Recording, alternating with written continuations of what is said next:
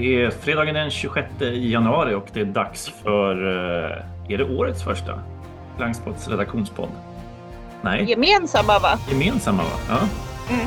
Eh, jag heter Martin Schibbye och framför skärmen ser jag Rasmus Kamek och Britt Stakston. Hallå hallå! Hallå hallå! Hallå hallå! Veckans lästa i alla fall som på min sida var en liten eh, kort nyhetstext om eh, eh, Lidingö kommunfullmäktige.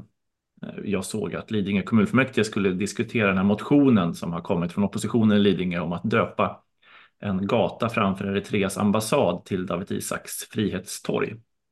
Där har ju avslagits en gång i Lidingö, eh, men motionen har nu eh, kommit upp igen. Och inför den debatten så, så var det en hel del artiklar.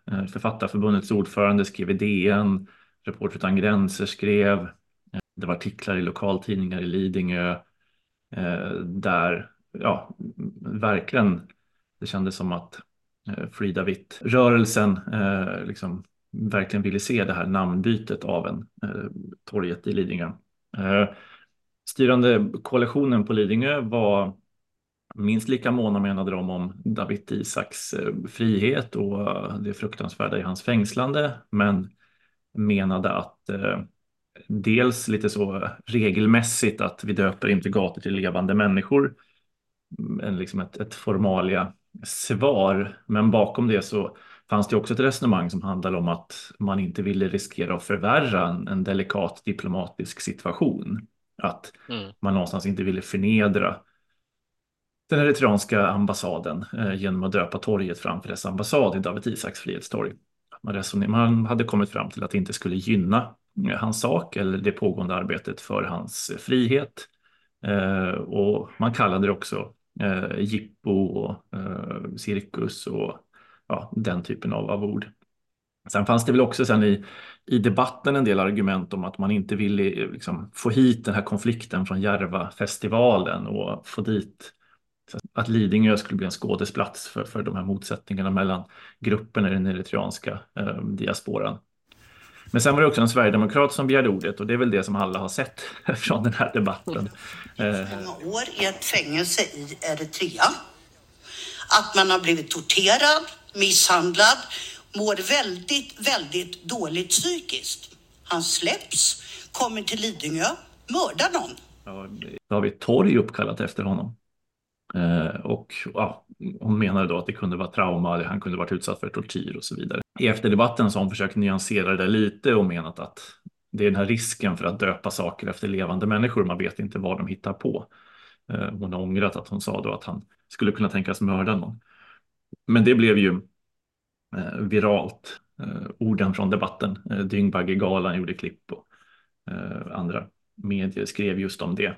Alltså bakom det tokeriet så är det ju en, en ja, men någonstans en spännande diskussion som, som ju sätter fingret på precis det här. Hur får man ut fängslade journalister? Vad är den bästa strategin? Är det att liksom förnedra, isolera, eh, bojkotta regimen som håller honom? Eller är det att hitta, bygga relationer, dialog, eh, förbättra relationerna mellan våra länder? Det, det är två helt olika angreppssätt eh, någonstans som blev väldigt tydliga i det här lilla mikrokosmoset som, som Lidingös eh, fullmäktige ja, ut, utgör. Så att ja, det var... Ja, Ja, men sen eh, Mm. blir det ju liksom en eh, tillfälle att, eh, mm, menar det där citatet är ju, är ju så vansinnigt så. Hade vi satt det i rubriken och dragit på så hade ju det varit än mer läst så Ja, att säga. ja. Utan det var, vi gjorde ju en rak nyhetstext utav det och bara det är intressant i den tid. Jo, jag tänkte ju, jag såg det, jag satt, jag hörde ju när hon sa det, men herregud, det här är ju helt knäppt. Och så var det så här, Ja. men ska jag skriva hela artikeln efter det här knäppa uttalandet? Och så var det så här, nej men Ja. jag gör inte det. Jag skriver artikeln Nej. utifrån de här ändå relevanta argumenten som finns på varje sida, så har jag med det. Ja. Men jag blev också Men jag tänkte det- mycket på det. Även och det, DN då som liksom ska vara legacy media nummer ett, de drog ju bara på Sverigedemokraten. Eh, liksom, Exakt. ringde upp henne, bild på henne och så blev jag så här, gör man fel då som inte drar på det? Är man, är man bara liksom korkad eh, att, att inte göra en, en klickgrej på ett tokigt SD-uttalande? jag vet inte, så kan man ju fundera. Men det kanske Ja, är, nej, ja, men jag tänker att det kanske är två olika artiklar. eh, på något vis. Alltså Ja. det, det, det är ju det som har visat sig. Alltså det, det ena är ju att eh, den här själva eh, principiella frågan eh, och, och den, eh, det är ju väldigt lätt hänt att man bara tar ut det citatet som då DN och även SVT eh, mm. sedan gjorde. Att, att, att det bara kommer handla om, om det och inte så himla mycket om själva sakfrågan. Ehm, så att jag tror att man kanske ska tänka både och någonstans och ibland, ibland kanske är det som är det, det man ska göra. Sen, sen, Mm. sen eh, som du säger, alltså när man såg det här citatet, jag twittrade ju ut det Mm. eh, eh, och eh, det var väl det som startade igång Mm. Ja, hela, precis, hela. eh, det virala sen, Ja. sen i slutändan. Eh, det gör ju att sakfrågan lite kvävs i det hela. Eh, å andra sidan kanske det också ger, eh, belyser sakfrågan. Jo, jo. Ja, men, och jag tänkte väldigt mycket på, liksom, det fanns inte ens med i ingressen, även om man inte tar med det i rubriken och sådär. Och jag tänkte direkt, det här måste du reflektera över i nyhetsbrevet, Martin, i, i veckans nyhetsbrev. Över. Jag tyckte för mig var det ett typiskt blank spot-exempel på något sätt. Eh, men sen eh, är det ju verkligen så att då skulle vi skulle ju kunna göra en uppföljande artikel på just det, hur det plockades upp av andra. Men det här är ju, är, ska vi göra en rak nyhetstext eller ska vi spinna det på det sätt som samtiden nästan kräver nu Mm. Mm. för att få snurr på det eller så. Men så kan man ju också kombinera eh, som då Rasmus gjorde att när han puffade för artikeln Mm. på X eh, och andra plattformar så eh, tog upp citatet. Men, men man värjer sig ju mot den här och, och ibland kan det ju vara ren dumhet och slarv och, och om hon sen har bett om, men det, det är liksom det, är- det är så tokigt det är. Men det man nu kan efteråt se i relation till att P3-klubben hörde jag eh, tog upp eh, det här exemplet och då när Mm. de börjar eh, och ska återberätta det här så eh, vet de inte ens att Eritreas ambassad ligger där ute. Så de var ju så här nej. väldigt frågande först över varför Lidingö och Ja, så. ja. Så jag tänkte att det här blir ju, sen eh, eh, gjorde de väl en snabb googling eller att någon av dem eh, Mm. Mm. fångade upp det och, och, och poängterade att ambassaden eh, låg där. Eh, och så passade de ju på att raljera över eh, ännu ett eh, dåligt exempel, precis som eh, cellen i Almedalen, som de Mm. då tyckte inte var en eh, effektiv alls. Eh, men jag tänker då är det fler som har pratat om och faktiskt Mm, kommer mm. ihåg eh, David Isaks eh, öde och fall och, och så. Eh, och det är ju det här, så att det är bra om du reflekterar sammantaget över vårt val att göra en rak nyhetstext. Man ska ändå tänka att du har skrivit en bok om David Isak och har följt Eritrea-utvecklingen jätte, jättemycket. Så jag tyckte det var så här intressant exempel på hur vi berättar om något som vi har så otroligt eh, historia av att eh, lyft fram, diskuterat eh, Mm. och, och belyst så länge. Eh, eh, och, och vi gör den här raka nyhetstexten med den eh, analysen i. Så det Mm. tyckte jag var ett intressant exempel på typiskt som om vi hade suttit tillsammans hade det varit kul att prata just den dagen över val av Jo, jo. rubriker, Men det är också och så med tanke på hur små vi är så har vi kanske inte råd att, att, att vara fina i kanten. Vi kanske måste brottas med grisarna. Ja, det är Eller så, kanske det alltså, första man tänker blir också- lite. Man blir också Men lite det- så här, men nu skriver alla liksom, ja, sen gick ju nyheten vidare, men det var ju ingen som, eh, att vi ändå var först på den och, och liksom, ja, det, det följer bort för att vi inte var spetsigast Mm. i att, att förpacka det. Ja, Mm, men så, jag mm, tycker mm. att det ska de som har finansierat vår journalistik få veta varför och hur vi Mm, tänker mm. kring det. Så Ja. kan det vara lite spännande att ställa den frågan till våra läsare i Ja, nyhetsbrevet, men tänker jag. Jo. Eh, Vi och sen hade ju kanske fundera. Ja, f- förlåt, nej, vi hade ju faktiskt ett, ett liknande exempel på den artikel som jag släppte i skrev i måndags, en, eh, en granskning eh, av en svensk handelsdelegation till, till Azerbajdzjan. Mm. Och där var, eh, där var en av de personerna som jag intervjuade, eller som faktiskt blev granskad, eh, den azerbajdzjanska motparten, eh, som eh, är någon form av mellanhand mellan svenska och azerbajdzjanska företag, som sa att man inte som sa öppet i ett mejl till mig att när man gör affärer i Azerbajdzjan så kan man inte alltid gå igenom lag, eh, göra det enligt lagboken eller, Mm, eller enligt, mm. enligt lagen. Eh, och där eh, där brottades jag verkligen med att okej, okay, ska man lyfta upp det här exemplet som att visa okej, okay, men här när man gör affär med Azerbajdzjan kan man inte göra det enligt lagen eller ska man göra det eh, som vi sedan gjorde i alla fall, att vi, att vi lyfte att det var eh, en annan vinkel på själva artikeln. Mm, mm. Eh, den kanske hade fått mycket mer spridning om man hade lyft upp just det eh, citatet. Eh, men det var, det, var mer en ganska liknande mm, utgångspunkt ja, mm. till det här. Jo, men verkligen. Jo, det handlar ju om vem man vill vara. Alltså vem... Man ser också i den trafik vi har nu när så att säga, Facebook eh, dör ut och allt färre delningar så är det ju, alltså, ja, framförallt om det blir någonting som, som, som delas på X så får vi väldigt mycket trafik därifrån. Eller så är det ju våra, liksom, när vi väl, eh, när, alltså sökningar i och med att vi inte har någon betalvägg. Alltså, så, folk söker på Eritrea, folk söker på olika nyckelord. Det är de stora eh, som, som läsare kommer in till vår sajt för, som är nya. Nyhetsbrevet ja. leder ju till att människor läser nyhetsbrevet och läser rubrikerna, men inte heller till att, till att så många liksom klickar sig vidare till, till texterna. Eh, utan man läser det, den liksom, nyhetsbrevs introtexten, sen är man ganska nöjd. Ja. ja, spännande frågor eh, framåt. Och mm. eh, innan vi pratar mer eh, om eh, Rasmus, du har ju en massa spännande, så bara lite relaterat till det, att vi ska ju i veckan, vi på Blankspot, fundera över eh, ja, men just synlighetsfrågor och marknadsföring och eh, värva fler eh, betalande läsare och, och, allt det här och så.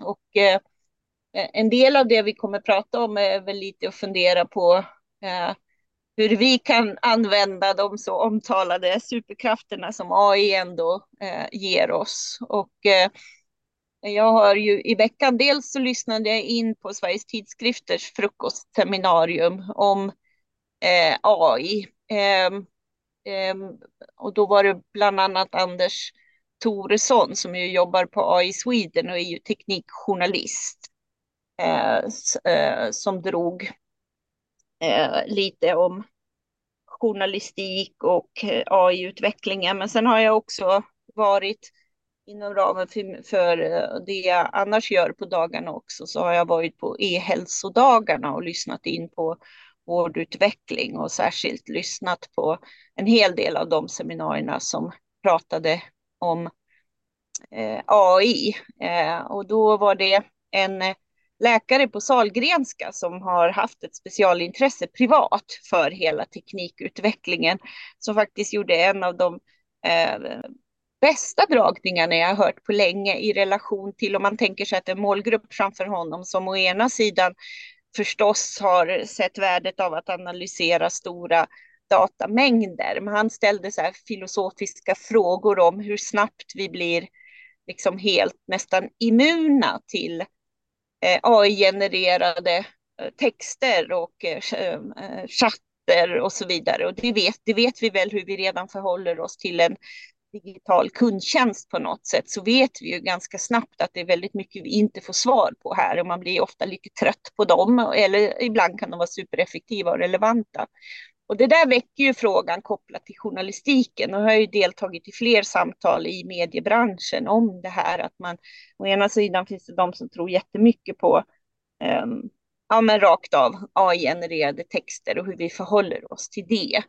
Eh, och jag tyckte det var så spännande med, med den här läkarens eh, filosofiska funderingar över hur vi som människa förhåller oss till den här det, producerade texten på, på, på ett sätt som var väldigt häftigt. Jag ska försöka samla eh, tankarna om det. Mm. Men för oss gäller det väl att bli lite mer, alltså utnyttja de här verktygen för att bli lite mer multimodala, liksom att kunna jobba med både ljud, text, bild på ett annat sätt än vad vi har gjort hittills, som jag är lite nyfiken på eh, och så. Och, och, bara lite en hel del som kan effektiviseras. Toresson eh, nämnde ju förstås transkribering och eh, han hade också gjort något spännande som ju sånt vi har pratat om tidigare i våra samtal med vår eh, tekniska utvecklare om att bara köra ner nu när vi har så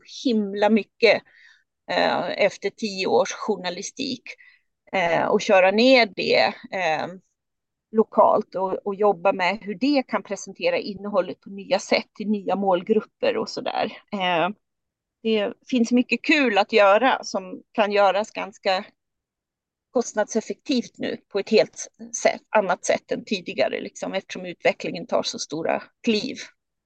Vad tänker ni? Har ni något nytt kul verktyg som ni har testat som har gett er idéer om hur vi kan utvecklas lite? Nej, jag, jag tycker det blir jättespännande att uh, prata mer om detta nästa vecka som vi ska göra. Um, och uh, redan nu uh, använder jag AI, alltså en, en del av att vi med, med AI är ju att jag kan översätta texter på ett helt annat sätt, ja. på, ett, på ett väldigt effektivt sätt och behöver inte sitta ner i timmar och översätta ord för ord. Liksom. Eh, så att det, det, det är jätteskönt och, eh, och även som journalist, jag skriver mer och mer på engelska också. På, eh, vi, vi, vi, ibland sampublicerar vi artiklar på, med andra tidningar och det blir väldigt effektivt att skriva på svenska och sen översätta med AI och det, och det håller väldigt hög kvalitet och transkribering och så vidare. Men det är ju bara verktyg, alltså det, det, det är ju arbetsverktyg för att underlätta det journalistiska arbetet. Men jag tror att det kan bli väldigt spännande att kolla på hur man kan faktiskt eh, använda verktygen för att bidra till det journalistiska arbetet på ett helt annat sätt som du pratar om med eh, ljud och bild och så vidare. Mm. Martin, eh, har du någon? Också... Ja, Ja. Nej, jag såg att eh, Bellingcat eh, har eh, storsatsat på detta för tillfället. Att de faktiskt har stipendier som man kan söka till och med och få åka över på workshops och så vidare med dem och utveckla nya verktyg som till viss del har med AI att göra. Mm. Det, är ju, det, är ju, det är ju verkligen så. Temat på det som när jag har valt eh, den senaste månaden, sen titta lite närmare på det här, så är det ju verkligen alla börjar med vikten av att definiera i vilket stadie i utvecklingen vi är. Och för mig blir det här som att kastas tillbaka till, ja men från första början 1993 för min del, liksom, där jag började jobba med att eh, ta fram ett datoriserat informationssystem för att plugga och jobba utomlands som först kom på en CD-ROM och sen blev en webbplats och hela den utvecklingen och, eh, fram till 96 kan man säga som präglades av de tankarna kopplat bara till, till webben i vår vardag. Och sen så från 2007, 2004 eh, kanske framåt så eh, de här åren kring när sociala medier kom. Så att eh, det är väldigt roligt att sitta med i de här sammanhangen. Och det, det är väl ganska oviktigt vad vi är. Det är väl bara att vi funderar över hur vi på, på bästa sätt kan använda det här. Och för oss som små, med så små resurser för teknikutveckling och så, så finns det ju ändå någonting eh, väldigt spännande i det här som är, det, det, är ju, det finns en dimension av det här som är lika stort som att var och en fick en tryckpress i fickan liksom i, i relation till hur man kan eh, om, om man inte har behövt en tryckpress för att nå ut, som var och en har, så har det ändå krävts väldigt mycket teknik. Vi vet ju vad det har kostat med en enkel uppdatering på hemsidan liksom och så. Ni fattar hela sajtutvecklingen mm. och det. Alltså det finns någonting här eh, eh, som är eh, lika stort, absolut, liksom. vid sidan av de här större frågorna som ju är så spännande för, för demokratiutveckling eller inte och så, och så vidare. Eh, så att, eh, ja, nej, men det blir kul att prata lite mer eh, om det här mm. nästa vecka. Och så. Jag tycker väl en del verktyg som jag använde i början som My Good Tape använde jag jättemycket för att transkribera och sen hände någonting att kvaliteten i transkriberingen liksom gick ner. Jag vet inte vad det beror på, men jag tycker att man alltså att, ja, att det de börjar hacka liksom en del. Det kanske alltid varit så bara att man var så himla blown away i början av att få ut den där texten av ljudfilen, att man kanske ställer högre krav på verktygen nu mot i början. Eh, jag vet inte. I början i rättegångsbevakningen så använde jag ju det att man liksom laddar upp en ljudfil och sen så fick man pratet i text. Eh, men eh, sen har inte, inte funkat liksom, mot slutet att göra det. Däremot eh, historiskt nu fick precis från tingsrätten ut en, man skickar alltid det där mejlet om man vill ha ut saker som har kommit in i veckan. Eller historiskt vet jag inte, men då fick jag ut hela försvarets manus som man lämnat in. Alltså över tusen Mm. sidor. Allt, varenda Mm. ord som de har sagt då sen, sen i november i rättssalen. Eh, För de har varit väldigt manusbundna. Eh, Det är ju liksom, ja, förenklar ju rapporteringen något oerhört för alla oss som, som bevakar att, att själva manuset har lämnats in på det sättet. Ja, och också något för eh, ja, verktyg och så att säga, tugga sig igenom. Eh, Mm, Hitta mm. argumentationslinjer. Ja, Ja, men vi återkommer väl till det. Mm. Eh, och, och det är absolut att den här frågan är, det är ju inte bara att förstå de här olika verktygen. Det finns ju ett journalistiskt innehåll som är, eh, vi vet ju att våra läsare är ju intresserade av den digitala utvecklingen och dess Mm. påverkan på, på samhället och så. Så det är ju ett intressant bevakningsområde ur det perspektivet också. Eh, Mm. Och det händer ju så mycket nu, så det återkommer vi ju till också. Ja. Men Rasmus, du kom ju precis hem från Sydostasien. Vart på Mm. gränsen till Myanmar och en mängd eh, platser. En, eh, Ja, ja, det, det var ju, det var ju bröllopsresa så att eh, Ja. Ida, min fru, hon eh, flög hem eh, en vecka tidigare än mig. Så Ja. att eh, eh, jag åkte vidare till eh, eh, gränsen till Myanmar, till staden Mae Sot. Mm. Eh, och hade väl vissa funderingar på att kanske åka in i Myanmar. Mm. ehm, Men jag kände att jag inte var tillräckligt påläst och hade kanske inte gjort en eh, tillräckligt riskbedömning om det var Mm. eh, möjligt att göra det. Och sen, sen när jag väl kom dit så ryktades det också om att, eh, det, om att juntan i Myanmar har börjat använda sig av ryska drönare som riktar sig mot eh, eh, mot bilar som reser till och från gränsen. Eh, men det verkar inte vara jättemycket substans i de ryktena. Men eh, i alla fall när man eh, så att jag, jag stannade faktiskt i Thailand eh, Mm. och eh, men jag blev väldigt inspirerad att fortsätta med den här konflikten. Alltså det är ju det är ju någonting när man sätter sig in i en ny konflikt. Mm, Att eh, det, det är verkligen ett berg att bestiga eller Mm. flera berg att bestiga varje gång och det som är slående med det här inbördeskriget med Myanmar, bara, bara väldigt, väldigt kort, alltså det 2021, eller rättare sagt, vi, kan backa bandet 2012, så eh, släpptes ju Aung San Suu Kyi och sedan dess hade man väl någon form av demokratiseringshopp i landet Mm. eh, som eh, tog slut då 2021 och även med folkmordet mot rohingya däremellan. Men framförallt 2021 när juntan kom tillbaka och gjorde en statskupp och avsatte regeringen, kastade in Aung San Suu Kyi i fängelse igen och tänkte väl att nu har vi kontroll över landet. Men eh, sedan dess har det varit ett eh, brinnande inbördeskrig där stora delar av folket har eh, gått, eh, gått ihop om att utmana om makten. Så att nu är det eh, den största oppositionella armén, den eh, kallas för PDF, People's Defense Forces, som eh, då består av vanliga människor som har tagit upp Eh, vapen. Och det är väldigt tydligt när man är i på den thailändska gränsen i Mesot som ändå är någon form av hubb för eh, för burmeser i Thailand och det är, jätte, att det är tiotusentals människor som bor där och det är också många av dem som är soldater. Mm. Eh, och, och inte bara soldater utan deras familjer. Det är, jag var på en skola till exempel som låg precis vid burmesiska gränsen och eh, de som drev skolan det var mammor som har gått ihop i ett kollektiv eh, för att de inte ville att barnen skulle gå en juntaskola på andra sidan gränsen. Så då har de flyttat över och startat upp en egen skola som de helt och hållet driver eh, så gott de kan efter sina förutsättningar. Eh, och den här typen av initiativ har verkligen blommat upp på ett sätt i, eh, i de här delarna och det finns en, eh, en känsla i eh, Mesot och bland alla de här revolutionära soldaterna att eh, nu eller aldrig.